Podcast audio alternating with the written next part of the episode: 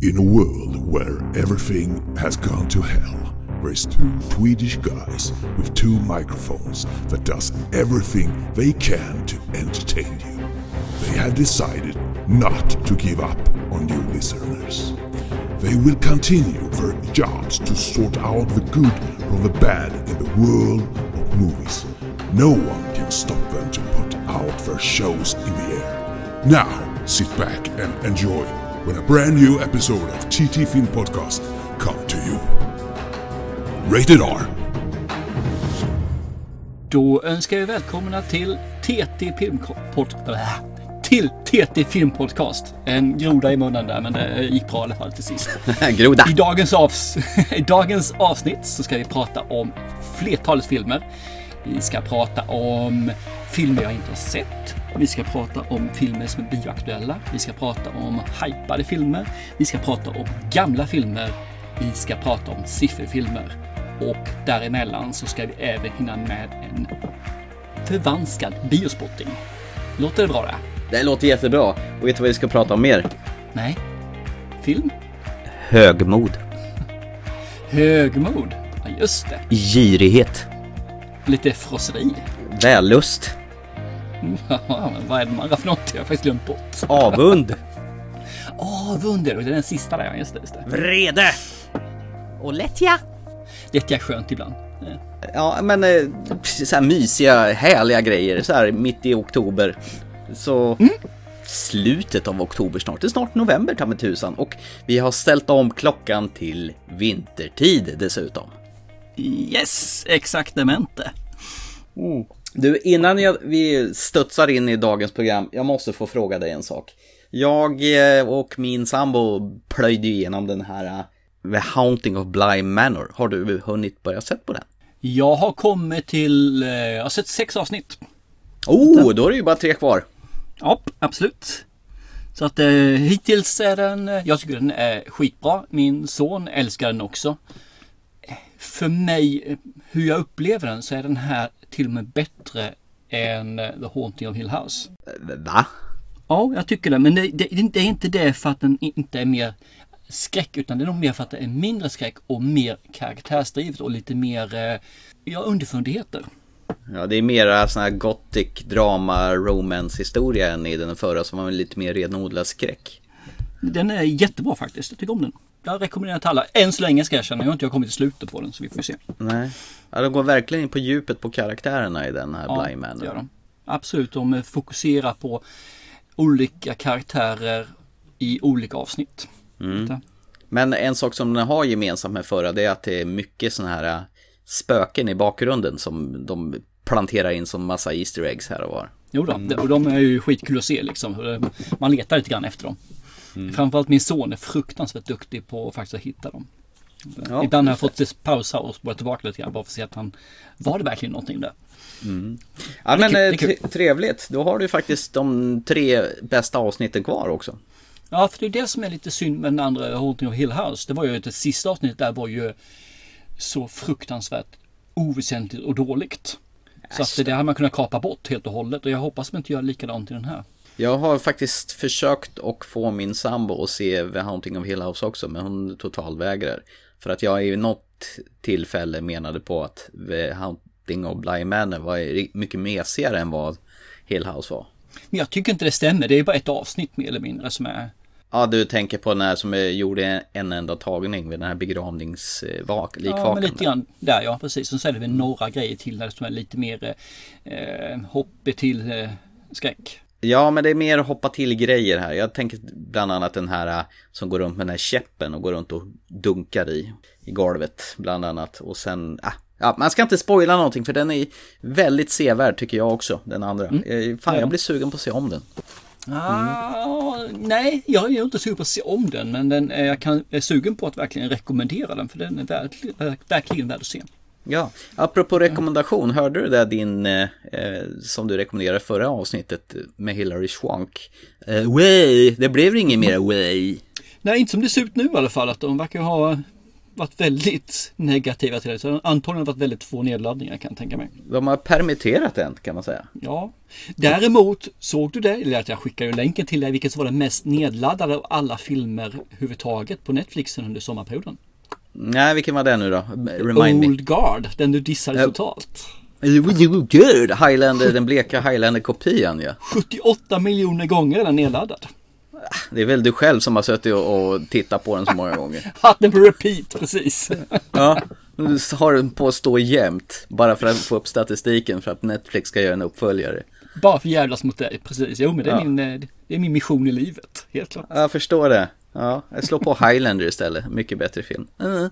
Jag var inte samma typ av film, en dum jävel ju. Ursäkta ordvalet. Oh, oh, jag måste bara få berätta en sak. Jag har ju bara lyssnat på ljudböcker så inåt helskotta här på sistone. Har jag gjort. Eh, och jag hade precis hittat en, jag är säkert sist på bollen i världshistorien. Jag hittade en, en dansk författare som skriver deckare som heter Jussi Adler Olsen. Eh, någon du har hört talas om? Nej. Han har gjort en eh, serie som heter Avdelning Q. Det handlar om en kriminalkommissarie som heter Karl Mörk och har en kollega som heter eh, Hafez El Al-Sad. Eh, och de löser sådana här cold cases, du vet fall som eh, polisen har shufflat undan och blivit nedlagda för att de inte kan lösa det. Och eh, han- är en sån där som får ta tag i det där för att de, de vill bli av med den här eh, poliskommissarien för att han var ute efter ett traumatiskt eh, en traumatisk grej. Hans eh, kollegor har blivit dödade och han själv är traumatiserad. Och, ingen vill jobba med honom för att han är en sån här jobbig jävel. Och då sätter de honom längst ner i källaren då på polishuset tillsammans med eh, en assistent då som de bara rotar på åt honom då. Eh, Det här har blivit tydligen en hel driva med böcker som jag tänkte, jag såg den, jag läste den första boken Kvinnan i rummet som Stefan Sauk läste upp för mig i öronen. Han är ju fantastiskt bra på att läsa ljudböcker från ena till den andra. Ja men det är han. Pr- Började prata med den här om- en arbetskamrat, men det finns ju på film säger han. Och den här Assad, det är ju Fares Fares som spelar. Va? sa jag då. Och, och så av en ren händelse så ra- ramlar jag in på Netflix och där finns de här fyra filmerna som är gjorda då eh, och, och beskåda. Har du Så sett dem då? Ja, jag började titta på Kvinnan i rummet i och med att jag hade läst den, eller Kvinnan i buren som de så märkligt hette. Och det, är ännu mer märkligt att den visar de på TV4 häromkvällen. Okej. Så snacka om det liksom, det bara kommer på en helt enkelt. Och det är riktigt jävla bra. De kan ju det här danskarna med att göra bra deckare. Och eh, jag börjar fastna mer och mer för dansk film och eh, serier. Eh, det var väl kanske där bron som var en inkörsport som var en samarbete mellan Sverige och Danmark. Men fan vad duktiga de är danskarna. Eh, vi kommer vidare till mer dansk film senare i programmet. Jo, de har eh, någonting. Däremot är jag ju inte svag för deckarfilmer och såna här kriminala filmer, så det är ju inte min grej. Beck, Wallander. Ja, precis. Där har du ju de här favoriterna att hata, exakt. Ja. Nej men det här är fan så mycket bättre faktiskt. Ja, men det säger ju ingenting. Nej, nej, nej. Nej, men okej. om någonting är värdelöst och säger att det här är bättre, ja vadå, det kan ju fortfarande vara värdelöst. Vad sur du är. Ja, jag är gubbig idag. Ja, jag märker det. Så det ska bli jävligt intressant att, att se hur vi tar oss an de här tre filmerna vi ska prata om Ja, det ikväll. är Då. skitfilmer allihop. Eller förlåt, fyra filmer till och med blir det ju då. Fyra filmer? Ja, vi har ju en biospotting som vi ska knöka in i kvällens program men det har också. du rätt i också. Ja. Jo, exakt. Ska vi börja med dagens eh, laguppställning? Dagens laguppställning, ja precis. Absolut, och då tycker jag att vi startar med en film som dök upp på Netflix förra veckan. Eh, en aktuell film som Aaron Sorkin har regisserat. Eh, det är väl alltid trevligt med ett rättegångsdrama, eller vad säger du? Ja, det tycker jag. Jag tycker de är bra. Mm. Rättegångsdrama och även, behöver inte vara rättegång utan bara har någonting som är jag tycker om rättegång och journalistfilmer och sådana saker när man gräver och det ska eh, plockas fram saker och ting. Eller det blir mer karaktärsdrivet. Du, du gillade Spotlight med andra ord, har jag för mig. Ja, den är ju superbra. Fy fasen vad bra den. Jag tänker på den eh, nästan varje månad i alla fall. Det är så pass? Den ja, det gör den. Den dyker upp i huvudet faktiskt. Den gör. Ja. Titt som tätt. När, när man lyssnar på nyheterna och någonting dyker upp någonting så brukar Spotlight också, just det, den filmen också ja. Just det. Michael Keaton var väl en av de murvlarna i den, i den filmen, minns jag. Hmm, var han kanske ja? Jo men det var han, det stämmer. Ja. Annars är det ju Mark Ruffalo är ju med där också. Men Michael Keaton, han är med i den filmen vi ska tala om nu också. Ah, Okej. Eh, och då, då talar jag om The Trial of the Chicago 7. We want to underscore again that we're coming to Chicago peacefully, but whether we're given permits or not, we're coming. We're going to Chicago to protest the Vietnam War. And there's no place to be right now but in it. We watched for a decade while these rebels without a job tell us how to prosecute a war. Well, they're going to spend their 30s in a federal facility. Are the people ready to make opening arguments? At the defense table, Abby Hoffman, Jerry Rubin, Dave Dellinger, Rennie Davis, Lee Weiner, John Freund, Tom Hayden, and Bobby Seale. these defendants had a plan, and the plan was to incite a riot. Yeah, you really think there's going to be a big audience? This is what revolution looks like real revolution. We may have to hurt somebody's feelings. Is this prosecution politically motivated? I'm tired of hearing you. It would be impossible for me to care any less what you are tired of.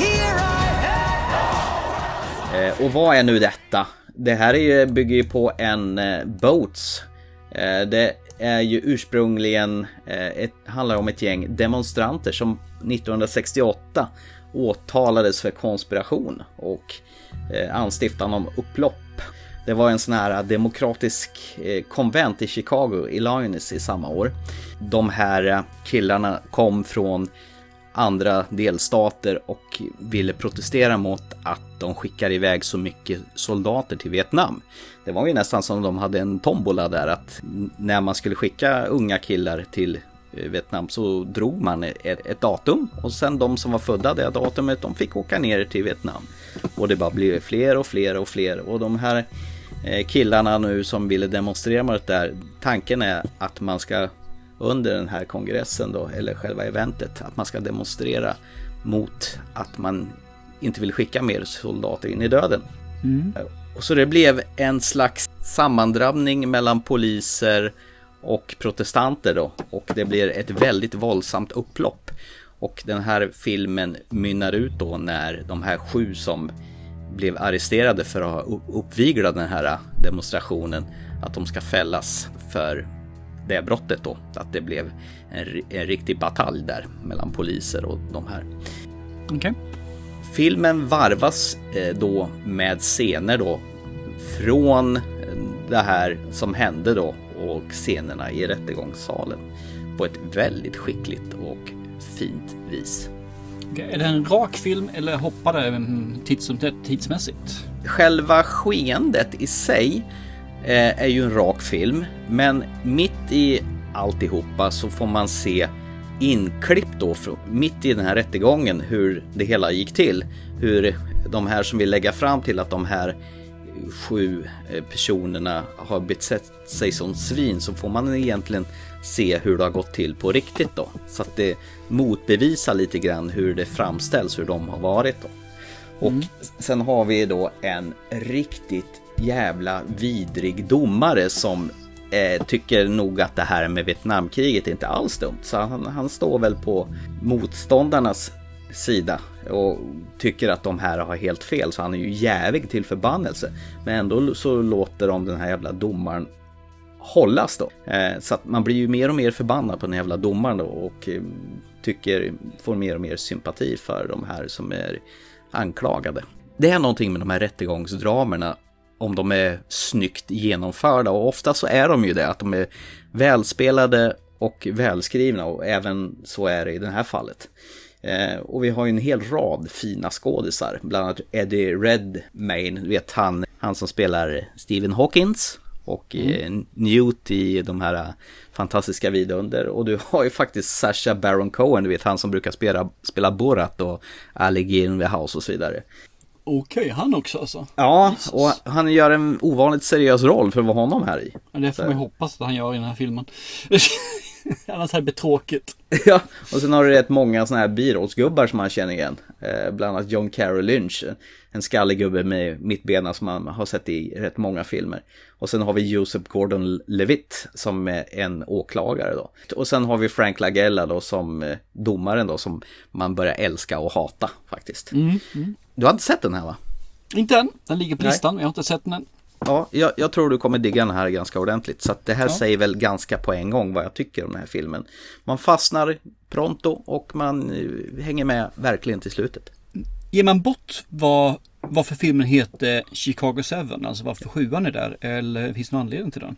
Ja, det är ju att det är sju personer som är åtalade helt enkelt. Mm, det är bara så alltså? Okay. Ja, det, det, är inte mer komplicerat än så. Nej, men just det här insticken mitt i scenerna när folken blir förhörda och så får man se inklipp från hur det egentligen gick till.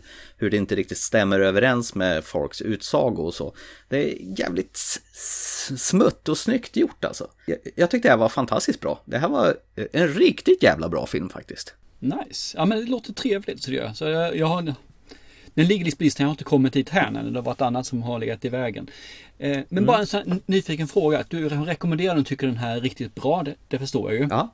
Vad hade du för känsla direkt när eftertexterna börjar gå? Det är att jag blir skitsur när det alltid ska förklaras vad som händer med folket sen. Jaha, den är, just en Boats var det just det. Den obligatoriska. Den här personen gjorde så, den här personen dog det året. Alltså vissa filmer passade jättebra, det här hade jag Okej, okay, filmen är slut, jag bryr mig föga vad som händer med dem senare för filmen är avklarad, done deal. Lite synd, för när man ser en film som berör så har man oftast en känsla efteråt. Det kan vara liksom att det pirrar i magen, när man är glad eller man känner sig förbannad eller vad det nu kan vara för någonting. Upprymd.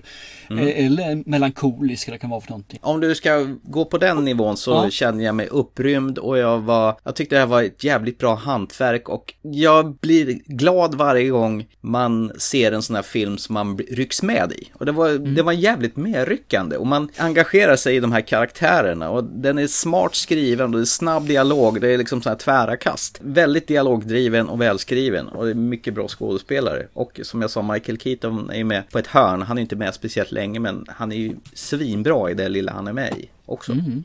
Nej, det här var mums faktiskt. Och det här är ju en Dreamworks-produktion som är gjord i samarbete med Paramount Pictures. Och sen eh, åker den direkt till Netflix. Det är lite märkligt tycker jag. Ja, det kan jag hålla med om. Du, apropå Netflix förresten. Är du klar med filmen förresten? ja, ja men absolut. Jag rekommenderar att se den här. Kanske ingen fredagsfilm, men fan mig som jag gjorde nu.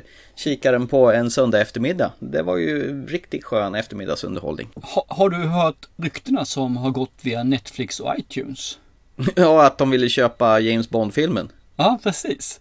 För 600 mille, eller vad det var. ja, jag tror de ville ha 600 mille för att sälja den. Aha, det har varit okay. lite väldigt tufft så det var tror jag.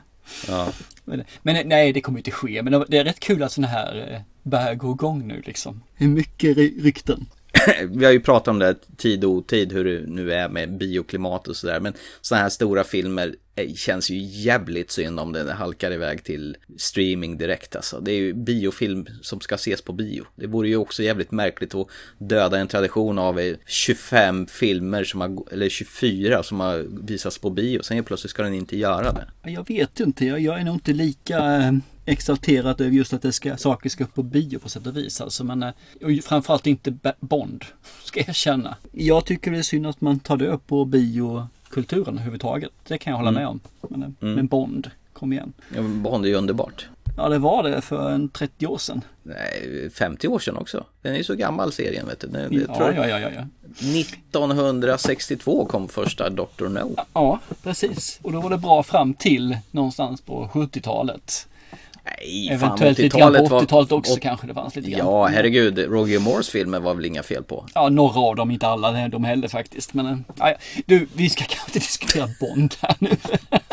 Nu väckte du någonting i mig. Ja, jag, jag märkte det. Horden växte fram här på dig och svansen började piska.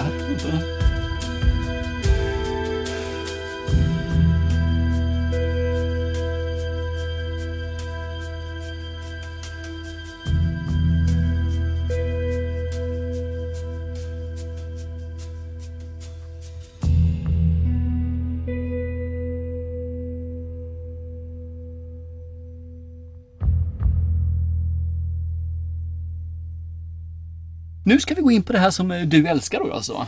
Danska filmer. Ja. Yeah. Vilket är fantastiskt kul att de verkligen har undertext där, för jag hade inte förstått ett jot annars.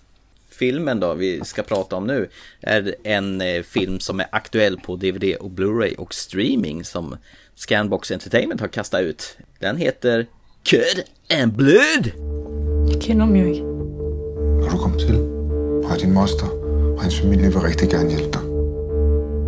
Jeg er glad for, at du er i det. Tager med jer ud i dag. Det angår også hende. Altså, hvorfor tror du, at din mor flyttede væk fra dem? Jeg vil gøre alt for min familie.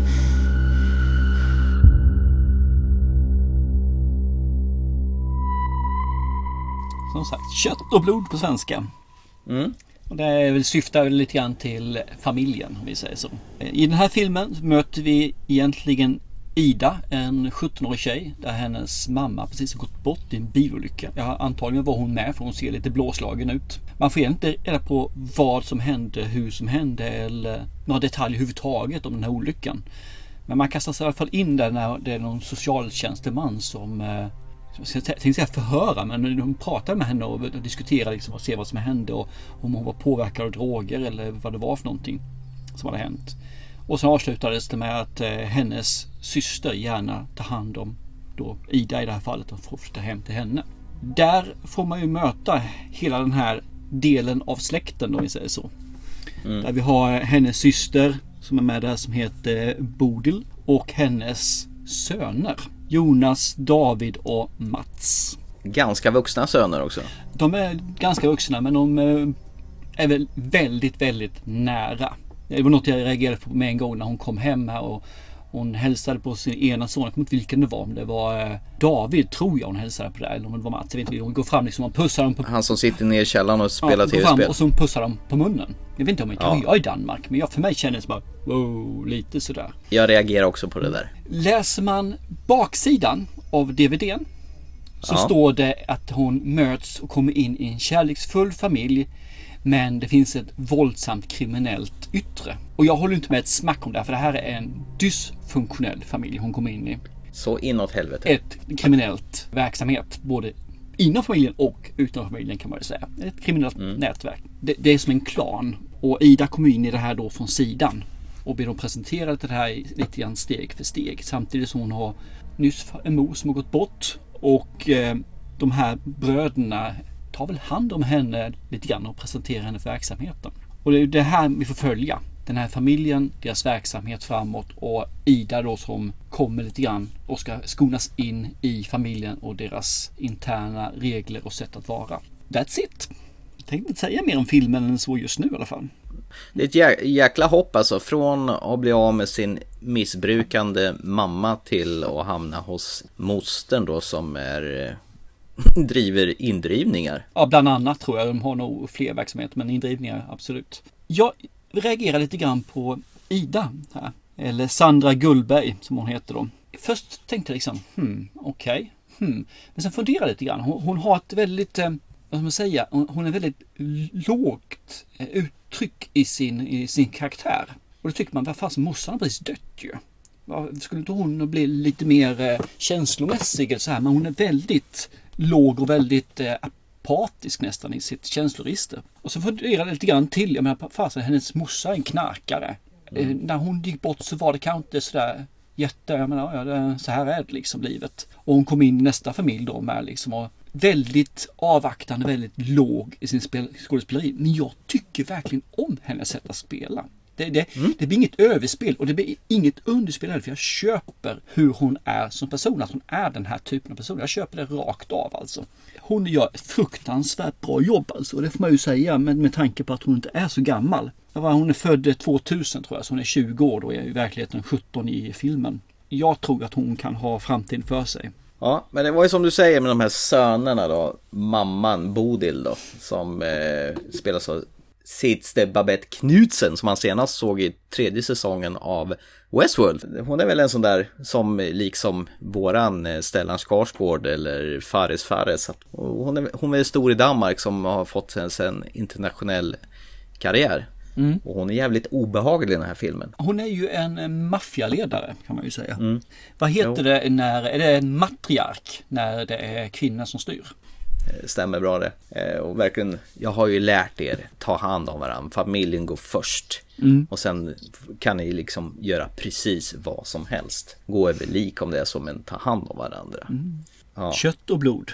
Någon som jag tycker är jävligt obehaglig också, det är han som spelar David Elliot Crosette Hobb. Han som har den här flickvännen då, som mamma verkar hata mer än Mm. allt annat. Precis. Alltså flick, flickvännen. Men det är också där, hon går, hon går ju fram varje morgon när de kommer ner barbröstade och till frukost. Då ska de pussa varandra. Fy fan, man mådde illa av detta pussande. Usch vad äckligt det var. Ja, det kändes eh, för mig lite incestuöst att man pussar på munnen på det viset. Men som sagt var, alla har ju sin egen eh, tradition och så. här, så jag, det var inte så att jag far illa av det på det viset. Men det, det kändes lite grann, hmm. Men Ja. samtidigt är de ju sådana, för de är ju väldigt nära som du säger. Liksom, du kommer ju inte in i familjen förrän du verkligen är i familjen. Du kan antingen så står du utanför och då är du liksom portad eller så kommer du in och då är du med hull och hår. Det är all in. Och det märker man ju på då eh, Jonas fru. Hon har då kommit in och vet ju då om, om allting vad som händer och sker. Och hon är då verkligen som en eh, dotter för henne. Men den här då eh, Nats tjej då, Anna. Hon är ju inte med i gruppen tycker inte om henne alls. Det, det verkar vara som det är en, en switch mer eller mindre. Alltså är du inte med, ja, då är du inte med och då är du inte omtyckt. Är du med, då är du med och då är du i en av familjen och då är du införlivas du i att man gör det som krävs för att familjen ska må bra. Sen har ju de här bröderna en jävla konstig relation för varandra. De är ju kriminella och åker runt och ska driva in stålar från folk som de har lånat ut pengar till. Och det är, det är en scen när de sitter i bilen då och hur den här David, han får massa örfilar av sin brorsa hela tiden. Han håller på att slå han i ansiktet och det som det jag tycker är bland det mest förnedrande det är när folk håller på att kladda den i ansiktet obefogat och när man själv inte är med på det. Och man håller på liksom och daskar till honom där och man ser hur brorsan inte, den här David inte gillar det här och han försöker flina upp ungefär som att det är okej ändå. Det här jävla kladdandet i ansiktet, jävla provocerad jag blev. Ja, Jag tolkar det annorlunda faktiskt där. Att det är en jargong de har och han ska få smäll i ansiktet till han är där. För att han är fokuserad på det som ska göras.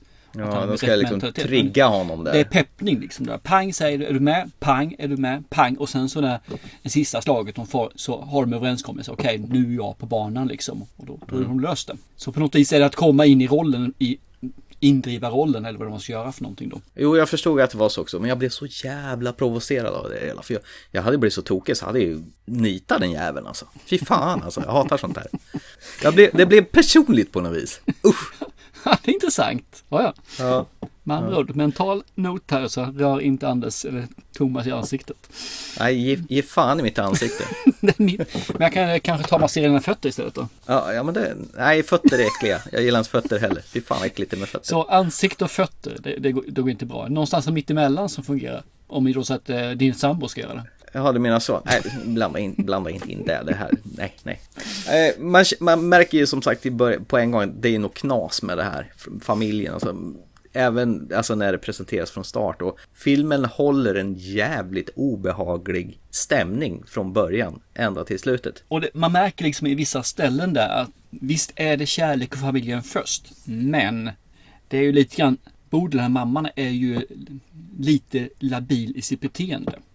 Så ibland så känns det som att, eh, jo familjen, men det är nu gäller de här reglerna istället. Hur, hon- hur hon reagerar mot dem. Men det kanske, ja, det kanske finns eh, förklaringar där om man säger så. Men eh, för mig blev det lite, som du säger, olustkänsla. Man tänker, hmm, är det att hon gör på det här viset för att hålla dem lite grann på spänn? Eller är det för att det är hennes sätt att visa kärlek och ge dem råd inför framtiden? För det, hon är väldigt tuff i vissa fall alltså när hon går åt dem. Både verbalt och psykosocialt. Nej men det är en stark film så det, är en jävla fin film så sett. Alltså man, det, för familjen är ju ett svinfamilj.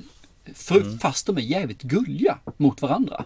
Ja, bitvis i alla fall då. En klassisk dysfunktionell familj. Yes, och där har vi då Ida som då är en ung, god tjej liksom. Som då har ett tragiskt förflutet.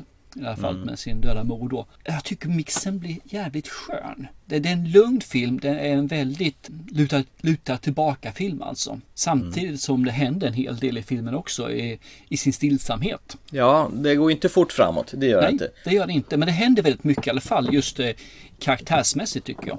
Så nej, jag tycker den här filmen tilltalar mig. Jag hade lite eh, så här stiltje i början, men när man väl kom in i filmen, och det var inte lång tid, men när man väl kom in i filmen sen så kände jag att okej, okay, this is shit. Danskarna har gjort det igen. Och danskarna lyckas ordentligt med ett fruktansvärt kompetent slut. Både slutet och slutslutet, om man säger så. jag håller med. Jag eh, tyckte om slutet och slutslutet. Det gjorde jag faktiskt. Ja. Det, det, ja, det kunde inte gjorts på något annat sätt och blivit bättre om vi säger så. Jag tror jag satte mig upp och sa högt till mig själv. Ja, danskarna de kan det här. De kan det här som inte svenskar klarar av. Alltså vi klarar av det här men det är ju våra unga regissörer som klarar av det.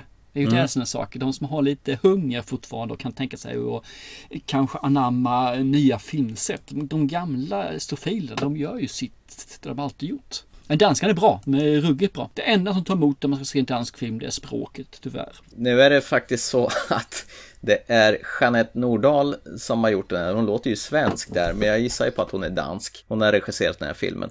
Och vet du vad? Hon var inblandad i även den här kvinnan i rummet som jag pratade om förut. Mm. Alltså avdelning Q. Men det är väl så. Danmark är ett litet land och du har väl säkert mycket folk som figurerar i samma sammanhang. Jag tror någon av de här skådisarna, jo han som spelar David var också med i de här avdelning Q-filmerna. Mm. I någon av de senare. Så det återkommer väldigt. Mm. För min del, jag rekommenderar verkligen att se den här. Framförallt nu när den har kommit på streaming och DVD. Det finns ingen mm. anledning egentligen att offra den här en och en halv timmarna för att se filmen för det är en ganska kort film. Kanske inget du ska se till eh, fredagsmyset om man säger så men när du känner för att ta det lite soft och ändå vara aktiv i en film så är det här riktigt förbaskat bra. Verkligen. På engelska hade han fått titeln Wild Land. Det var ju rätt märklig titel på en film som heter Kött and Blood eller Kött och blod om man skulle översätta den till svenska. Vilket är ju, ska du leta rätt på den här IMDB för den så är den jättesvår att hitta alltså. Jag fick faktiskt leta rätt på en av skådespelarna. Jag tog, vad heter det, Ida den nu då, det här, vad heter mm. Sandra Gullberg sökte på henne för att hitta den här på IMDB överhuvudtaget. Mm. Vilket synd. Nej, det beror ju på att kött på danska är ju ett K och sen en överkryssad, överkryssad O, alltså gud. Det blir lite märkligt. Yes. Nej, mm. Men absolut, jag, jag tycker se den. Den är guld. Men hörru du, eh, ska vi då göra en coronasäkrad biospotting då? Det tycker jag. Vi gör det som vanligt. Vi pratar inför den och vi pratar efter den. Men vi gör det, som du säger, coronasäkert. Fantastiskt. Ja. Ska vi eh, säga hej då tills vi eh, är färdiga med den då? Det gör vi. Vi återkommer strax. Yes.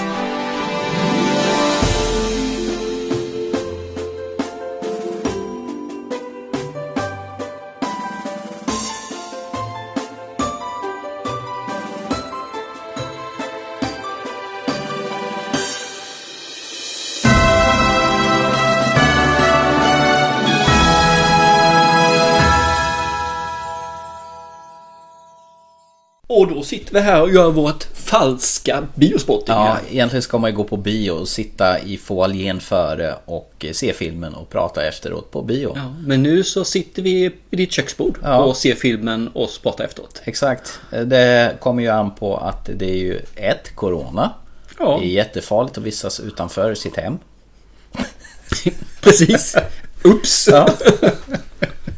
Ja, du har ju åkt härifrån. Ja. Fick du corona på vägen Ja, jag fick det och blev frisk och sen så fick jag det igen. Ja, du har antikroppar? Ja. ja. Det är rätt spännande. Det är jättemånga kunder till mig på jobbet som säger Du, det är lugnt. Jag har antikroppar. Det skiter jag i, för det är ingen som har sagt att bara för du har antikroppar behöver inte jag bli sjuk. Nej, och som bara för du har antikroppar så kan ju han smitta i alla fall. Det Exakt. vet man inte. Men ja. äsch, det ja. där är ju... Folk är som de är. Ja, men, men, det är väl inte bara Corona som Nej, inte åker nummer två att Filmstaden plockade ju inte upp den här filmen som vi skulle prata om i Örebro. Nej, de gjorde ju inte det. Nej. Vilka atzingar! Ja, så då är det tack och lov så har vi våra samarbetspartner Nobel Entertainment som löser saken åt oss på annat vis. Så vi kan titta lite grann hemma istället ja. och se vad det är för något. Det blir inte riktigt samma sak, det Nej, blir inte. jag gillar ju det här att sitta i en biosalong. Mm. Jag med. Så att, eh, men eh, mitt vardagsrum får agera biosalong Absolut. ikväll. Och vad är det för film som vi ska se? Vi ska se Summerland. Yes, med våran Gemma Christina Arteton. Yes! Ja, henne gillar du va? Ja, hon är mysig. Ja. Håller jag med Vad är det första film du tänker på när du hör Gemma? Jag tänkte säga Prince of Persia, men det är det inte. Hon är med där. Hon spelar ju den Girl här, of Gifts är den första jag tänker den här på. zombiefilmen. Mm. Ja, den med Glenn Hussein i. Glenn Glenn, ja. Ja. Mm. Själv då? Nej, men det måste väl vara den här eh, Byzantium faktiskt. Som du dyvlade på mig Mm. för ett gäng år sedan. Men det är den bästa med henne Ja, faktiskt. den här annorlunda vampyrfilmen. Den är gigantiskt bra. Den har jag funderat på senare gånger efter Ja. men jag har inte riktigt kommit till salen. Nej. Det är lite sådana här tips för kvällen får man säga egentligen. Att har ni inte sett Byzantium och ni tycker om vampyrfilmer, se den. Tycker ni inte om vampyrfilmer, se den i alla fall. För det här är så pass annorlunda så att det, den tilltalar massor av olika smaker. Mm. Hans och Greta var hon ju också med i. Aha. Hon spelar ju Greta. Ja, okej. Tillsammans Det är med en sån här han. film för mig som har... Jo, det var ju hon och han eh, i Born Legacy. Och han Haka i... Ja, precis. Som inte jag heller kommer ihåg vad han heter. Renner. eh, fan Jer- Jeremy Renner. va? Jeremy Mm. Renner. Det var han som var Born wannabeen. Vi hade Ja, Born. precis. Eh, Vad heter det? Legacy va? Ja, Just det. Borns okända kusin. Han trodde han skulle få göra en ny serie, sen kommer Jason Bourne, den riktiga, tillbaka. Matt Damon. Ja, varför säger vi alltid Matt Damon om Matt Damon? Vad fan heter det? Ja, det är inte Matt Damon. Nej, nej, det är Matt Damon. Ja. Men eh, Gemma, hon har ju som du, du sa, hon var, har ju varit med i Prince of Persia. Mm. Och i sån här Clash of Titans. Men Ja. på senare år har hon gått mer över lite till seriösa facket. Mm. Och gör lite mera drama. Och hon passar som drama faktiskt. Ja, men det håller jag med om. Vänta. Eh, vad vet du om filmen vi ska se nu då? Jag vet att det handlar om eh, en eh, ensam kvinna på under andra världskriget. Är hon någon form av lärare eller vad är hon? Det vet jag inte dock faktiskt. Nej. Eh, jag, jag har ju sett trailern. Ja, Trailer, trailer, trailer. Nej, jag har konsekvent vägrat. Jag såg posten där hon ligger på en äng Mm. med en sån här gammaldags fotokamera. F- Kamera heter det va? Mm, Kamera. Ja, ja, kamera. Jag fick känslan av feel good. Mm. Eh, sommar för länge sedan och jag känner att det vore trevligt att se en feel good film Ja. faktiskt. Det här handlar ju om andra världskriget. Och jag vet inte varför hon är ensam eller vad hon har för yrke. Men under andra världskriget får man ta hand om ensamstående barn. Mm. Som av någon anledning då, ja deras föräldrar kan ha dött i kriget eller att de kanske är bortresta under kriget. Då kommer en kille till honom och hon är väl inte så intresserad av att ta hand om ett barn. Nej. Och sen så efter filmens gång så bondar de ordentligt. Det blir väl en sån här eh, Mr Miyagi Danielsson relation kanske. Nej, jag, jag får... Ja, kanske så, men känslan jag får är mer eh, Peanut Butter Falcon. Jaha. I känslan. Det är han, han som har down syndrom. Ja, så det här, alltså du verkligen hyllade den filmen. Ja, satan vad bra den var. Ja. Och jag tror att just i feelgood-mässigt så, så synkar de här väldigt mycket. Mm. Vad de handlar om, nej, det, det skiljer nog markant. Ja, ja, nej men jag menar inte att de ska öva karate genom att måla staket och grejer. Ja. Utan jag menar att den här vänskapen. Jag- jag förstod vad du menar. Mm. Gran Turino, eh, där Clint Eastwoods, den här rasist eh, gamla militären tar, tar sig an den asiatiska grannen. Ja. Det är också en sån här vänskap som byggs fram. Känslan jag får är att det är mer hon som är motståndare och han är bara där, Mm. killen. Ja, Nej, så att det, det känns lite grann och jag är lite nyfiken så här på det här som sagt var. Så jag har bara tittat lite snabbt Mm. vad det här, vad det fått för, vad för betyg och de har fått ganska bra betyg. 6,9 på IMDB. Mm. Det är bra. Däremot så har jag sett, jag har inte läst några vad heter, recensioner. Nej. För det ska jag hålla mig borta från när jag har sett filmen. Det jag har sett däremot är en hel del som heter den här 10. Mm. Alltså maxbetyget då. Och sen finns det några stycken som har sänkt den. Så det verkar som att det kan vara en film som man antingen hissar eller dissar. Ish. Någonting jag måste bara säga att Gemma Arterton, hon har ju en dubbelgångare. Mhm. Jag tänker på hon som spelar i Gerald's Game.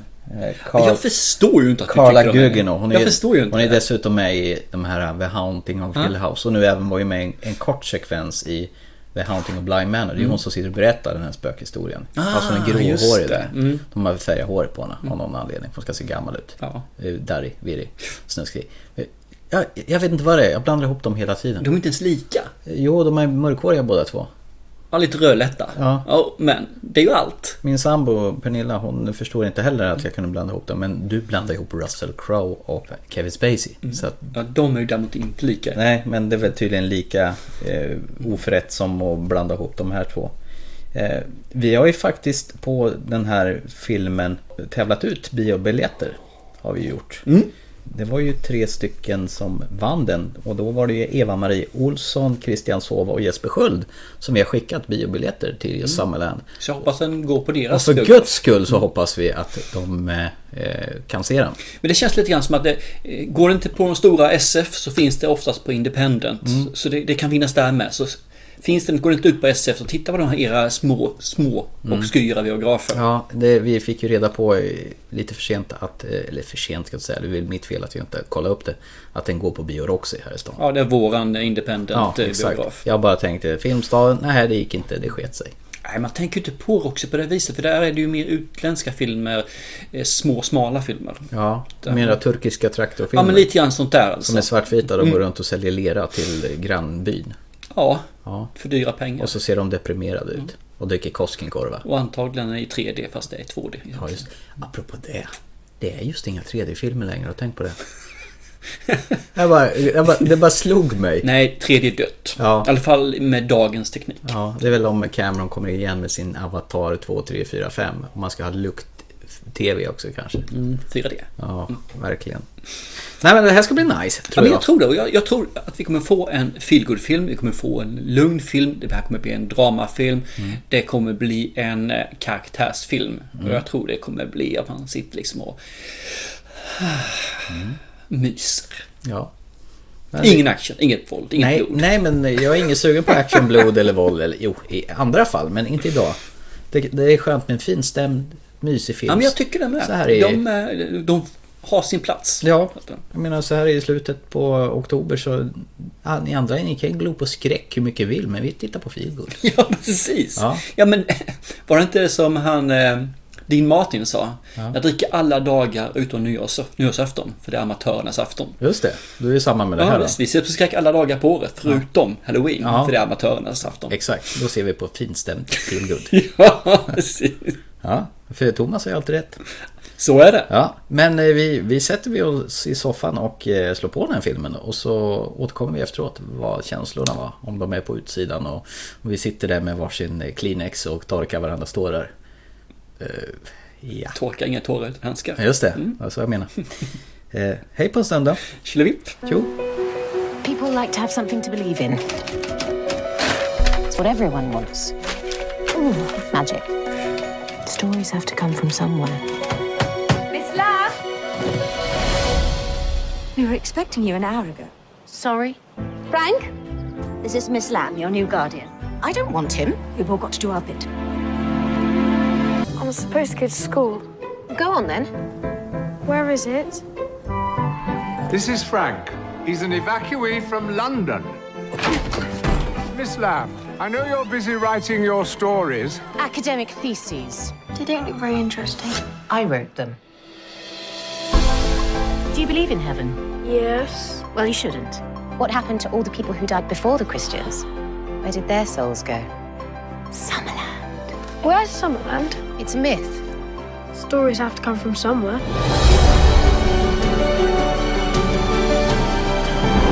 Nobody knows how to be a parent. But you two. Gosh, you make quite a pair.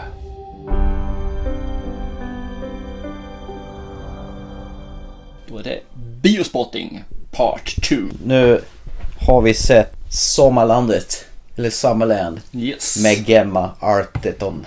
Med mera. Och gamla gubbar och... Ja, och gamla tanter. Ja. Mm. Och, I tweedkavajer. och lesbiska förhållanden. I förkläden. Ja, du allsmäktige plottutövare. Du kan ju berätta. Men det var ungefär det jag sa i, inför, tror jag. Var det det? Ja, andra världskriget. Ja. Hon får ta emot en, eh, ett barn från London, så här krigsbarn. Mm, det. Hennes pappa, eller hans pappa menar jag på, är ju i armén och hon, mamman där är väl någonting statligt. Hon är väl väldigt motsträvig. Mm, Och- vill inte ta emot några barn. Där inte. Nej, vad hon behöver jobba.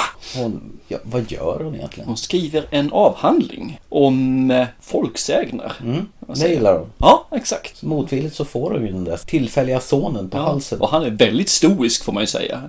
Vadå? Han är stoisk där han tar emot och Ja, första scenen hon säger jag vill inte ha honom, välj någon annan. Mm. Nej, nej, nej. Och han bara står där och sen går han in i alla fall. Jag hade nog bara sagt Alright then. Bitch! Alright then, bye bye. Ja. Nej, men det är intressant. Ja, vad säger du om filmen då, egentligen? V- Vad kände du? Vad, vad fick du ut av den? Alltså, fick du ut det du ville av den? Ja, det krampade i magen emellanåt. Ja. Det blir så här jobbigt. Det var ju en jättefin film. Mm. Och det var ju det här som jag efterlyste innan att eh, jag fattar ju att hon inte skulle vilja ha honom där och samtidigt under tiden så växer ju någon slags band. Ja, det var ju ganska tydligt Ja, att det skulle bli det. Jo, det, det förstår man ju. Och, och, Ja. och samtidigt så har han ju eh, en kamrat i eh, hon Edith tror jag hon hette va? Ja, just. Edith, ja. Ja, Precis. Edith ja. Mysigt på engelska landsbygden. Och vet du vad jag hade i huvudet hela tiden? Hem till gården. Nej. Nej. Man ser ju, de är ju mycket på vid strandkanterna. Mm. De här vid Dovers vita klippor i solnedgång. När vi möttes mellan Doverkalle. Okej, jag tror inte jag hade den i huvudet. Ja, du, du vet, det var ju vita klippor. Mhm. Ja. Och när vi närmade oss land. Det räcker. Gå till, gå till filmen Ja, istället. förlåt. Tack. Men de var någonstans vid Kent. Jag har lovat att inte sjunga mer Nej, på den. förlåt. De var någonstans vid Kent va? Det var inte Dover. Ja, jag tror det var någonstans där. Jag är osäker exakt Ja. var det var någonstans. Men, Exakt.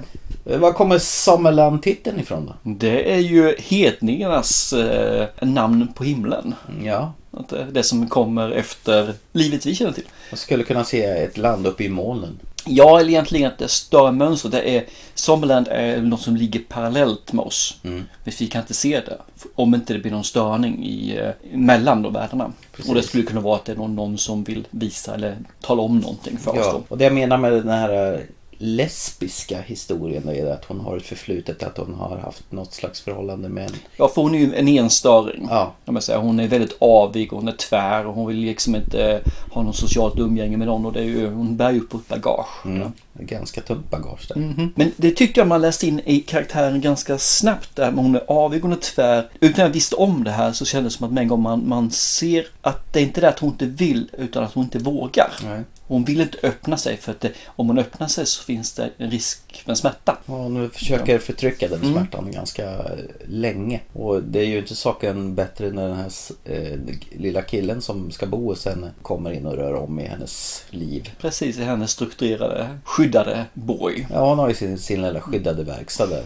Jobbigt att släppa in andra in på livet. Ja, men det känns lite grann som Så tolkade jag det en gång. Sen kanske en annan tolkar på annat sätt. Men så tolkade jag i alla Mm. Att hon inte ville släppa in någon. För släpper man in någon så... Ja, man, man måste ju öppna sig och man Mm. gör ju sig sårbar. Och gud vad hon spelar bra Gem Martin. Hon är jätteduktig. Ja, och man ser ju hennes smärta i ögonen. Och det räcker ju att hon står och man ser hur hon funderar. Hur, hur mycket går runt i huvudet på Hur henne. mycket hon väger på fötterna Ja. fram och tillbaka. Ja. Jag menar bara genom att stå still och titta. Alltså kunna utstråla så mycket känslor. Märkte du mycket hon gjorde när hon, hon tiltade väldigt mycket på huvudet när Ja. hon pratade med sonen? Eller sonen tänkte jag. Han är ju någon son. Plastsonen. Ja, precis. När man pra- pojken där. Så Ja.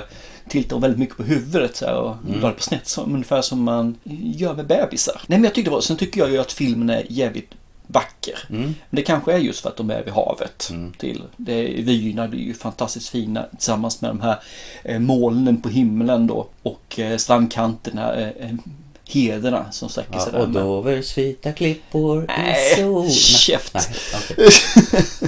Nej, men jag, jag tycker om det. Det, det.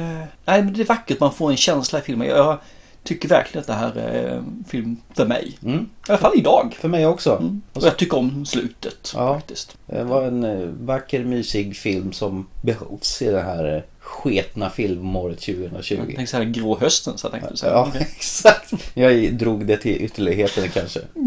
Nej, men jag, jag varit inte besviken. Men jag fick inte riktigt det jag trodde. Nej. Att, eh, nej, jag trodde det skulle vara... Jag vet inte vad jag trodde egentligen. Mer våld? Nej, absolut inte. Nej. Eh, Nej, men jag, jag, jag vet inte vad jag, vad jag trodde egentligen. Jag ska erkänna, jag, jag, det var en känsla att jag inte fick riktigt det jag ville ha. Jag är inte besviken i alla fall på det. Utan det, det jag fick var riktigt bra och jag känner att det, det gav mig mycket filmmässigt och känslomässigt också. Så det, det här är en helt fantastisk film. Sen tror jag att den här hade nog blivit ännu trevligare om man hade sett den på bio. Ja, ja, verkligen. Eller riktig bio då. Just för de här vyerna och hela det här köret Ja. hade blivit lite mer. Det målade fint på bilden. Ja, det gjorde det. Så därför tror jag det. Och jag tror att man hade nog nått ut ännu mer med känslorna i filmen än man gjorde idag. Ja, jag, jag var tagen. Jag tycker var- den var en fin stund. Jag tycker också det. Och jag, säger, jag rekommenderar den verkligen att se. Men du behöver eller sagt, du får inte vara stressad när du ser filmen för den är väldigt långsam, den är väldigt, tar tid på sig den här filmen. Så är du stressad eller har någonting så kommer den här att bli väldigt frustrerande att se. Så sätt dig ner och, nu vet inte hur lång det var, två timmar ish? Ja, det, knappt två timmar.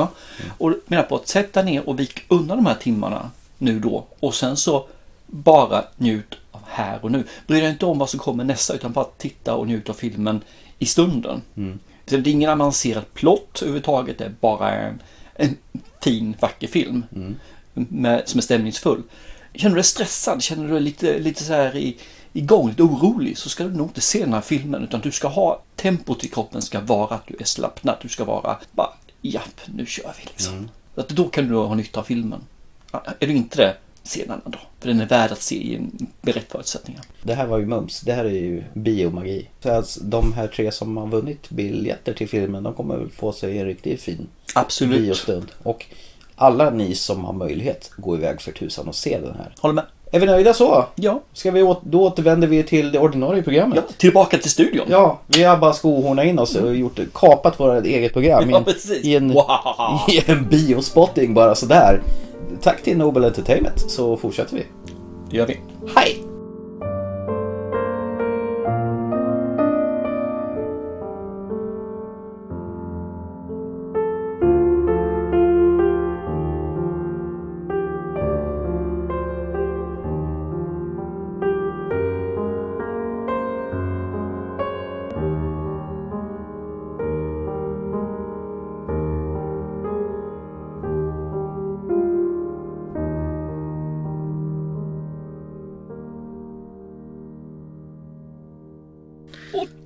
Var vi tillbaka efter att ha pratat om den underbara filmen som heter Eh, Summerland med Yes. Gemma Arteon i huvudrollen. Då är det väl egentligen bara vårt sista segment i avsnittet kvar då. Detta fantastiska segment som vi till folkmun kallas för Återtiteln Filmer från förr som vi nu ser med äldre ögon. Yes. Och den här gången har ju du bestämt vilken film vi ska se. den filmen som stavas med sju streck. Sju streck. Ja, man gör streck, streck, streck, streck, streck, streck och sen ett streck över på väggen där. Alltså i romerska siffror kanske. Ja, något. men då är det ett V och två stycken streck. Men om man stryker över, när man har gjort fyra streck så stryker man över det som blir fem i ett sjok och som blir två till. Suck. Filmen är Seven. Two detectives, homicides and homicide, are caught in a game No fingerprints and no witnesses of any kind. where the price of sin is death. There are seven deadly sins gluttony, You want to come take a look at this? greed, No one touches anything. sloth, wrath, pride, lust, and envy. You can expect five more of these. I've gone and done it again. There are two more bodies. This guy's methodical, exacting, worst of all, patient. This isn't gonna have a happy ending. I feel like saying more, but I don't want to ruin the surprise. Brad Pitt, Morgan Freeman, Gwyneth Paltrow. Seven deadly sins. Seven ways to die. Seven. David Fincher eh, som har gjort filmen 1995. Såg du den här på bio när den kom? Eh, nu ska se om jag såg den på bio eller om jag såg... Jo, jag såg den på bio. Det stämmer, stämmer. Det är massa år sedan och jag kan säga jag har inte sett den här sen jag såg den på bio. Jag har bara sett den en gång också. Det här är min andra gång. Så. Så vad var känslan då? Börja med vad som hände då 95. Vad blir det? 25 år sedan. Ja, då var min dotter två år gammal och då masade jag tydligen iväg mig på bio i alla fall. ja, det är klart det gjorde. Min känsla när jag gick ut från biografen för den här filmen var att jag var så jävla lack på Brad Pitt här. Som var helt befängd i sin karaktär. Han skriker, han är liksom tänker inte, han bara agerar. Han kör ett, sin, sin egen grej utan att ens se vilka konsekvenser det får. Och det, det finns ingen rim och reson i hans emotionella beteende. Så jag, jag var skitlack på honom. Sen efter ett tag när- sakerna hade lagt sig så kände jag att den här filmen har ändå någonting. För det den, är, den, är, den är bra. Den var bra. Eller den var bra då. Vet du. Men jag retade mig kopiöst på Brad Pitts karaktär. Jag tyckte den var superdålig. Däremot var ju Morgan Freeman den vanliga som levererade jättebra i den här filmen. Alltså. Filmen har ju, hade då fruktansvärt fina tycker jag eh, effekter.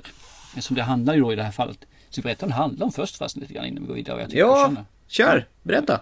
Jag glömmer alltid bort det. Jag är så ivrig att tala om vad jag tycker och känner om saker och ting. ja, du, är het på rödbetan om man säger så. Vi har ju då Morgan Freeman i det här fallet. Eller Somerset som han eh, enbart heter. Bara, bara efternamnet för på. Som är då en eh, kriminalare som ska gå i pension. Och den som tar över honom är då Brad Pitt eller Mills. Och de kommer ju inte alls överens. Så att, nej det här fungerar inte. Han får göra det här, jag gör det här. Jag vill inte hålla på med de här sista sju dagarna som jag ska jobba med det här utan jag måste jobba med annat. Så de får jobba med två skilda fall. Men de här två fallen de får jobba med märker de efter ett tag att de mergas ihop till ett. De blir då ett, ja får ändå samarbeta i slutändan i alla fall. Och de här två fallen är då, som de upptäcker ganska snabbt, har dödats enligt de här sju dödssynderna som du så elegant radade upp för oss i början av podden. Ja, kan ta det en gång till. Högmod, girighet, vällust, avund, frosseri, vrede och lättja. Där ja, perfekt. Då är det den här mannen de ska jaga rätt på, den här massmördaren hos som de då antar ska göra sju stycken mord innan han är färdig. Och då måste du ta fatt han innan eller åtminstone så snabbt som möjligt. Det är väl egentligen eh, basic storylinen. Det enda jag kommer ihåg med den här filmen när jag såg den sist, det var de här eh, distade förtexterna. Är väldigt så här högljutt. Jag kommer ihåg när jag såg den på bio, det var väldigt hög basgång. När man får se såna tidningsurklipp och grejer. Och ungefär som att det är mördaren som håller på och klipper och klistrar med, ja, enligt vad han nu ska göra. Och sen är det så här skakiga namn och grejer. Mm. Det satte sig på näthinnan och att det regnade som fan i den här filmen. Och det gör det verkligen i den här filmen. Det Ja, det- regnar nästan Och det finns en oavbrutet. anledning till att det ska regna för det ska vara just det här dystert. Det är tanken. Mm. Ja, den är satans glåmig filmen. Eh, mer som jag kommer ihåg är ju alla de här mordoffren, hur, eh, hur bra gjorda de är. Vi har den här då som är frosseri, hur de gjort med honom liksom. Det är ju fruktansvärt nice gjort alltså. Med spagettin ja. Ja visst och alla kackerlackor som eh, far runt där liksom. Eh, Vilket är rätt intressant bara som en trivia. Han som sitter där och ska vara död då. Mm. De Mm. stoppade in liksom eh, saker i näsan och öronen för kackerlackor inte skulle springa in där då. Men det hindrar ju dem inte från att springa ner i kalsongerna så han fick ju någon kackerlacka i då innanför underkläderna. Vilket är väl kanske sådär. Eh, Och sen så har vi då den här som har eh, en annan också som är fruktansvärt bra gjord. Alltså, det är de här jag kommer ihåg och så har vi då Giderhet. Som är, det är de här tre som egentligen för mig stod ut som jag kommer ihåg fortfarande. Då 25 år senare. Den första var väl frosseri, han som ja, det äter Ja. ihjäl sig och sen han sparkat upp magen på honom. Precis. Ja. Men han, han som låg med Wunderbaum-granarna Ja, som det, hängde det lätt ja, det, det är lätt ja. Precis, fan vad äckligt det var. Ja, precis. Och det tyckte jag när jag såg den första gången. Alltså. Den, eh, och det var det här man kom ihåg från filmen. Alltså. Och det var kanske det som gjorde också att jag tyckte att den här filmen blev ganska bra. När väl Brad Pitt-karaktären hade hamnat lite grann i skymundan så kunde man då säga att filmen är bra. För annars hade jag, hade jag haft samma intryck som jag gick ut från biografen så hade den här, hade jag antagligen varit en av de få som tyckte den här filmen var skitdålig. Kommer du ihåg att den presenterades i dagar då? Så att det började på måndag och sen blev det tisdag och sen Nej. onsdag och så. Nej. Det hade jag glömt bort totalt. Jag också. Jag tycker det adderar ett mer element i filmen där, att det blir tidspress. Att dagarna går och, och de måste ta fast den här mördaren också. Och jag hade totalt glömt bort att eh, Gwyneth Paltrow också var med och var Brad Pitts fru. Jaha, nej det, det kommer jag ihåg. Jag visste att det fanns en fru, jag visste att det var något sånt där men jag, jag eh, kommer inte ihåg att det var hon. Vad heter de? Mrs Potts i, Mm. eh, vad heter det, Iron Man-filmerna. Precis. Eller Sliding Doors för allt del. Mm, bra film, ruggigt bra film. Kanske vi skulle se om den också. Mm. Men däremot så kommer jag ihåg att eh, de bor i en lägenhet som eh, bullrar förbi där tunnelbanejärnvägen går precis utanför så det ser hela alltihopa höll på att skaka sönder och Ja, samman. okej. ja, det hade jag glömt bort också faktiskt. Jag, jag visste att det fanns en fru men jag hade glömt bort egentligen överhuvudtaget alla detaljer kring den här frun. Jag gillar att de börjar, de börjar ju tjafsa i princip på en gång när de träffas Somerset och Mills. Ja. De är ju inte alls överens om hur det här, hur de ska gå vidare för att Nej. Mills han är ju mer karriärsugen och vill, han vill klättra i, i karriären medans eh, Somerset han är ju så jävla trött på den här stan och han tycker ju att alla är likgiltiga och inte bryr sig så att han, han vill ju bara därifrån. Han har ju sett så mycket så att han, han har Tolkar du tappat tron. på det sättet? Alltså att han är en karriärsugen streber? Det gjorde inte jag. Ja men det gjorde jag, att han, han vill liksom visa fram fötterna för att klättra. Han vill ju bli Han vill bli master detective på en gång. För jag, jag kände mer att han ville ju komma dit där för att de här sakerna hände. Okay. Så att det var att han ville komma dit här för metron liksom. Det var här var shit var. Alla de här morden, allting annars är det ju sömnigt värre liksom. Ja i och för sig, han frågar ju det första han gör. Varför vill du komma hit? Så mm. jättegärna. Har samma anledning som du vill härifrån. Yes. Så, så fick jag ju känslan där men ja. Det har du ju faktiskt rätt i. Thomas jag omvärderar det där. Mm. men du, ska vi snabbt och enkelt gå över nu till då vad fick vi i omtiteln då? Var det samma känslor? Eller, ja men först och främst, du, jag antar att du också har satt den här filmen ganska högt som alla andra gjort. Mm. Det, ja. Precis. Då så går vi upp till omtiteln då tycker jag och ser lite grann. Vad gav den här för någonting i mervärde eller sänktes den då? För det första så upptäckte jag att David Fincher är en riktig sucker för detaljer. Mm. Jag tänker dels en sån enkel grej som i början där när Brad Pitt har köpt kaffe åt de båda poliserna. Morgan Freeman han vill inte ha så då går han och bär på de här kaffemuggarna. Alltså Mills, Brad Pitts karaktär och sen till slut så ger han bort den till en polis som står i närheten då. Mm. Bara en sån där grej. En annan sak att när eh, Somerset är på det här biblioteket och letar i fakta om eh, de sju dödssynderna. Så har han några gamla, jag vet inte vad, vad, vad de är, om de är någon säkerhetsvakt eller någonting som sitter och spelar poker uppe på en eh, balkong där. Och så sätter de på Johan Sebastian Bach, den här Air on the G-string. Den här klassikern som man även har hört i Beppes godnattsång eller Stromberg när han vill förinta världen ute på sitt farkost i The Spy Who Loved Me. Och så medan han går och letar så spelas den här långsamma musiken. Mycket sådana här snygga detaljer som David Fincher har kastat in som man egentligen kanske inte behöver göra för att föra en film framåt men han gör det ändå för att skapa lite mänsklighet i filmen. Eller till exempel när Somerset är hembjuden till Mills och, och Gwyneth Paltrows eh, lilla boning där och han sitter och virar en bordservett runt handen då. Mm. Och sen skämtar de om att den här tunnelbanan går förbi så att de fick bara vara där och titta på lägenheten i fem minuter så fick de gå därifrån. Och så ser man Morgan Freeman skratta. För enda gången i världshistorien. ja, men ja. Detaljer, det är hela tiden små detaljer som gör det mänskligt. Det är sånt där som man inte knappt gör i filmer längre. Ja, kanske. Jag beror på vilken typ av film man tittar på tror jag. Men jag ja. håller med, det, det, är bra fina detaljer sådär men jag blir nog inte så hänförd av det. Men... Nej, alltså jag, jag, bara upptäcker att här har man lagt ner tid och bara petar ner sådana här vardagliga saker för att göra det lite mera, alltså på riktigt. Men den är också 25 år gammal. Man tog mm. mer tid på sig där också. Ja. Så att eh, jag tror att det är mycket det som är saken. Att det, hade den här filmen gjorts idag så hade det varit ett helt annat tempo i den. Jag tycker om det här liksom att de eh, blir, det skär sig jävligt snabbt. För som du säger, Somerset är ju en noggrann, han är ju egentligen där bara för att ta rätt på ledtrådarna, dokumentera och katalogisera det här. Och sen så mm. ledtråden leder till nya ledtrådar som han då kan nysta upp och sen ska han då få det här så snyggt som möjligt och det ska vara paketerat så snyggt som möjligt och han ska inte missa någonting. Alltså väldigt metodisk. Medan Brad Pitt mer går åh det är det här och sen så tittar han runt lite, åh det är det här och så upptäcker han någonting, åh det är det här. Han är ju mer mm. en som jobbar med, med magen och magkänslan. Ja, lite mer impulsiv. Precis, han, han samlar inte på sig, han bara gör saker och ting. Mm. I affekt gärna. Ja, och sen så fungerar ju inte det som sagt var i slutändan. Och sen så när mm. väl filmen går igång så har du det att deras sätt att jobba särskiljer sig fortfarande men på något vis så får de ju acceptera varandra.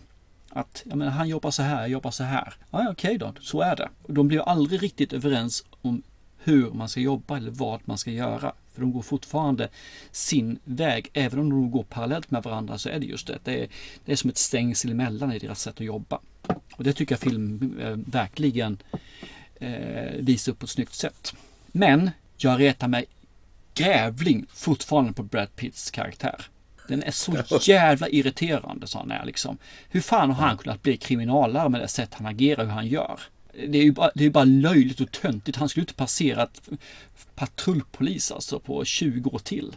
Han, jag köper inte att han är där. Jag gör inte det. Han är jävligt slarvig på så vis. Fruktansvärt eh. slarvig och fruktansvärt eh, impulsiv som du sa. Och fruktansvärt dålig på att eh, göra de här slutledningsförmågorna som behöver finnas här. Han sitter och glor på Mm. några jävla bilder hela tiden som man tror att det ska poppa upp en sanning där. Nej, jag tyckte inte om han alls. Jag, det, han sänker. Det jag kan säga är att det, den som var först påtänkt för att spela Brad Pitts roll, Mills, var ju egentligen Denzel Washington. Men tackade nej till den här filmen för han tyckte att den var för mörk. För, eh, ja, han tyckte inte alls om den alltså. Det var inte alls någonting. Sen så ångrar han sig när han väl såg screenen på det och menar på att det var ett jävla dåligt beslut. Jag skulle ha tagit den här menar han på. Ja, det hade ju varit spännande att se Denzel Washington och Morgan Freeman i en och samma film. absolut. Jag tror att det hade kunnat bli bättre faktiskt. För Brad Pitt är en jättebra skådespelare idag. Men för 20 25 år sedan så var han inte den skådespelaren. Den han hade inte den nivån. Så jag tror att det hade helt klart varit helt fantastiskt med Denzel Washington istället. Filmen håller tycker jag fortfarande när det gäller effekter. Jag blev fortfarande imponerad över hur de har gjort med den här med The Lazy Son of a Bitch och The Matraket. Eh, vissa saker, hur de får ledtrådar, tycker jag känns lite omotiverat att de eh, skulle göra detta. Varf- varför då? Varför, vad är det som triggar honom att göra en sån här sak? Jag, jag vet inte, jag förstår inte ihop det riktigt. Eh, Kevin Spacey gör sin roll suveränt. Det är han som då är John Doe i den här filmen ju. Kommer du ihåg att det var Kevin Spacey? Ja, när du såg gjorde den jag. här? Det kommer jag ihåg. Hur jävla ungarna i den här filmen. Ja, det är han. Allihop är unga här så det ska man inte säga något annat. När, när filmen gick så föddes, eller föddes inte, då, då blev det lucköppning på saker och ting. Och jag kommer oftast ihåg saker och ting lite innan det hände eller samtidigt. Just det, så här liksom. Eh, Slutet visste jag om redan för det kommer jag ihåg. Det är något sånt där man inte glömmer bort om man har sett den här filmen. Nej men gud, det är ju så stark scen där så det finns inte. Ja, nej, så den, den är ju vad den är. Filmen är bra, men jag anser att det inte är David Finch bästa film. Inte ens, eh, jag vet inte ens om den hamnar på topp tre ska jag erkänna. Vilka är dina topp tre då när det gäller David Fincher? Eh, Jag skulle nog sätta Zodiac högre. Jag skulle nog även sätta Benjamin Buttons högre faktiskt också. Baklängesfilmen, där Ja, också Brad Pitt spelar huvudrollen. Ja, exakt. Sen så är jag osäker på vem, om kanske den skulle hamna på tredje plats i alla fall då. Men Zodiac, den är ju lite åt samma håll som Seven. Eh, Ja, fast bättre. Mycket, mycket bättre. Och så är det Jake Gyllenhaal som spelar en av rollerna där har jag för mig. Nej, men, men säg att den hamnar på tredje plats då. Det kan den Mm. göra. Att, eh, jag var lite osäker på om man skulle säga Gone Girl om den skulle hamna högre upp. Men nej, eh, vi sätter kanske den här då på plats tre. Men det är ju inte hans bästa i alla fall. Eh, Kom du ihåg snoppkniven förresten? Ja, det gjorde jag också. Eller jag kommer ihåg den när de började snacka om en prostituerad. Där kommer jag ihåg Okej. den. Nej, det hade jag totalt bommat här. Så, så jag blev så här, vad fan är det om han har beställt när de kommer in till den här äh, killen som har tillverkat den här kniven då? Och sen när man får se vad det är för någonting, bara, vad fan, det är ju som en dildo fast med en kniv. Det där hade jag totalt bommat. Det var rätt skönt att de inte visade det, det så detaljerat, tycker jag. Rätt mycket detaljerade, grisiga, i alla fall när man har hittat eh, offren. Ja, men det är en bra film. Jag tycker den här är riktigt bra. Den, den håller idag och jag tycker att de som inte har sett den ska nog ge den eh, den tid som krävs för att se den här då. Vad var filmen lång? Är den två timmar eller? Ja, den är två timmar och sju minuter för exakt. Och det- den är värd alltså. Det är helt klart. Har du inte sett den så är det ju ett fantastiskt bra slut. Det är ett Mm. grymt slut. Jag, jag kan säga så här att min sambo hade min, minst fel av det här. Utan hon hade skapat sig en bild av hur den slutade. Ja. Som hon på något sätt hade fabricerat. Och jag sa det är inte alls så som du säger utan det, det där tror du bara. Mm. Och sen var- satt hon faktiskt med när slutet var. Ja. Eh, Och då sa jag haha jag hade rätt. Vad var det jag sa? Nej men det, det här, har du sett den innan så är den helt klart värd en omtitt. Mm. Utan tvekan. Verkligen. Alltså jag tycker kanske ännu bättre. Alltså, jag, jag hade velat ha haft sett den här för första gången. Nu hade man ju lite glimsar från den. Alltså, det kändes som att den, den här vinner återigen på att man ser den i vuxen ålder. För att eh, jag tog mig inte till den här filmen alls på samma sätt då som jag gjorde nu. Dels det här jag menar med detaljerna och dels den här historien om eh, Brad Pitts fru då, det vill säga Gwyneth, Gwyneth Paltrows eh, karaktär då. Hur hon är Tracy heter hon förresten. Tracy ja, och hon är olycklig och inte alls trivs i den här stan och vill bara flytta därifrån men hon gör det bara för sin mans skull då. Man märker att det skaver som fan deras förhållande. Och Fincher är ju, jag tycker det är bra att han ger henne den spelrummet Det gör ju det hela att det blir ännu mer mänskligare i den här filmen. Fan satan alltså vad jag gick igång på den här filmen. Och sen tycker jag Kevin Spacey är ju fantastisk som äckelpäckel seriemördare här i. Det intressanta är ju för det han sa, eh, Fincher här, var ju att han ville ha Gwyneth Paltrow just i den här karaktären. Men hon tackade ju nej för hon ville inte ha den. För den eh, det, nej, hon ville inte ha den alls. Så han Nej. försökte ju ta tag och tog kontakt med hennes pojkvän, och dåvarande pojkvän, Brad Okej. Pitt. Att övertyga henne att verkligen komma hit för provspel så du kan få se åtminstone. Ja, de var tillsammans då. Så då, Mm. då övertalade ju han henne och, och hon tog ju rollen då ju. Och som Brad Pitt Mm. sa, liksom, hon är det enda solskenet i hela filmen som finns liksom. Ja, för annars är det ju som vi sa tidigare, det är ju dömörkt och det regnar i princip konstant genom hela filmen. Man känner ju hur blött och fuktigt det är. Och de har gjort någonting med framkallning också för det ska bli den här dassigheten. Och sen hör man de här polissirenerna ganska frekvent blåsa förbi utanför där de sitter. Och man, för man märker att det är full, stan är full med brott hela tiden så polisen får jobba arslet av sig för att motverka detta. Jag tycker de sätter en sån här jävla obehaglig, härlig känsla över den här filmen och hopplöshet. Gud vilken vidrig plats det är att vara på det här. Ja, precis. Jag är totalt såld på den här filmen. Jag tyckte den här var om ännu bättre när jag såg den sist. Jag tycker den här är fan ett mästerverk. Jag måste säga en trivia till som jag tycker är lite småkul. Mm. 1995 och de mest inkomstbringande filmerna under 95 så kom den här på sjunde plats. Det är rätt kul. Vilka var det som toppade då? Det kommer jag inte ihåg jag vet att den här kom på sjunde plats. Det Okej. spelar ingen roll, jag menar Seven måste ju komma på sjunde plats. Det finns ju ingen annan plats den kan vara på. Nej, jag kommer inte jag kan inte ihåg hur det ligger till annars. Det inte. Jag, jag hade faktiskt den här på Blu-ray och det fanns ju tonvis med extra material. Ja. Bland annat ett, ett alternativt slut som eh, att de spelar in en, en jädra massa olika varianter på, på slutet här. Men eh, storyboarden från början slutade helt annorlunda än vad den här filmen gjorde. Det fanns ett, en annan idé från början men jag är rätt så glad på att de valde det slutgiltiga som kom med i filmen. Eh, Brad Pitt sa det som ett krav när han eh, tog rollen att den ska vara det här slutet annars gör jag inte den här filmen. Men jag, jag, jag har en sak till jag måste ta medan jag har det i huvudet. Ja. Brad Pitt fick i gage för den här filmen 7 miljoner dollar. Det? 7, 7, 7! Det var alltid okej nu fattar jag. Det är väl klart det var 7 miljoner, herregud. Vad annars kan det vara? Ja. Ja. Ursäkta, jag kunde bara inte låta bli den. Och det här är väl enda gången man ser eh, någon försöker somna med en sån här taktometer också. Ja, just det. Ja, det stämmer ju. Ja. Det börjar ju med innan introsekvensen börjar, hur Morgan Freemans polis, innan han går och lägger sig, så sätter han igång det här. Är att jag skulle kunna ha en sån själv, för det skulle nog fungera fruktansvärt bra att somna in till. Det tror jag. Ja, Ja, så Tydligen funkar det ju för honom. Ja. Men det är också en sån där detalj, för att återkomma till detaljer. Nej, han är grym Fincher på detaljer. Musiken är ju ganska sparsmakad, men när det väl är använt så är det suggestivt som fan.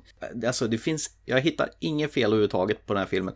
Förutom kanske Brad Pitt, att han inte riktigt är torr bakom öronen och hans eh, ibland eh, ojämna skådespel. Ja, jag, jag, jag tycker den här är lika bra som jag såg den. Om man säger så. Min känsla när jag såg den då på bio för jättelänge sedan och min känsla Mm. efter att sett den nu då med äldre ögon. Så är det vissa Mm. saker som är bättre, men vissa saker som är sämre. Och de jämnar ut sig tycker jag för mig så det blir en vågskål. Så den här, jag har sett den här så lika bra eh, känsla nu egentligen Mm. då. En, ja, en för ett tag efter jag såg bio då ska vi säga. 95 då. Så Ja. den är, jag är inte så hänförd som du är, det är inte i den här filmen, men den är riktigt förbaskat bra. Jag höjer upp det här till maxbetyg alltså. Det här Mm. är ju det här är filmmagi på hög nivå. Ja, okej, okej. Coolt. Är vi nöjda? Ja, nu är det väl eh, nästa avsnitt då. Det är ju utmaning till eh, dig och mig. Ja, just det. Vi skulle ju se Den blomstertid nu kommer till nästa Mm. avsnitt, ja. Mm. Det ska bli jävligt spännande faktiskt, för det här är en film som jag har velat se aslänge men aldrig har fått tummen ur. Och det är ju det som är så bra med det här utmaningsgrejen, att vi ser ju filmer som vi inte får arslet ur. Som att jag tvingar dig att se svartvit film från 1957 till exempel. Med Mm. folk som sitter och svettas och ska bestämma om någon är skyldig till mord eller inte. Till exempel. Men eh, jag känner mig rätt färdig annars efter det. Hur känner du? Jo, jag känner mig också rätt färdig. Vi har faktiskt gjort ett eh, hyfsat dagsverk idag, den här gången också. Vi har pratat om eh, The Trial of Chicago 7, Netflix aktuell film. Vi har pratat om eh, Seven, har vi pratat om. Mm. Och vi har pratat om Kött och blod och så har vi pratat om bioaktuella Summerland med Gemma Artion i huvudrollen. Yes. Så! Då tycker jag vi tackar för oss och sen så hörs vi om eh, två veckor. Och vad var du brukar säga? Se en... Ja, se en bra film, just det, absolut. Eller två, eller tre, eller, eller fyra. fyra. Ja, så många du vill. Och gärna en till. vi hörs. gör vi. Chip, chip. Hej då!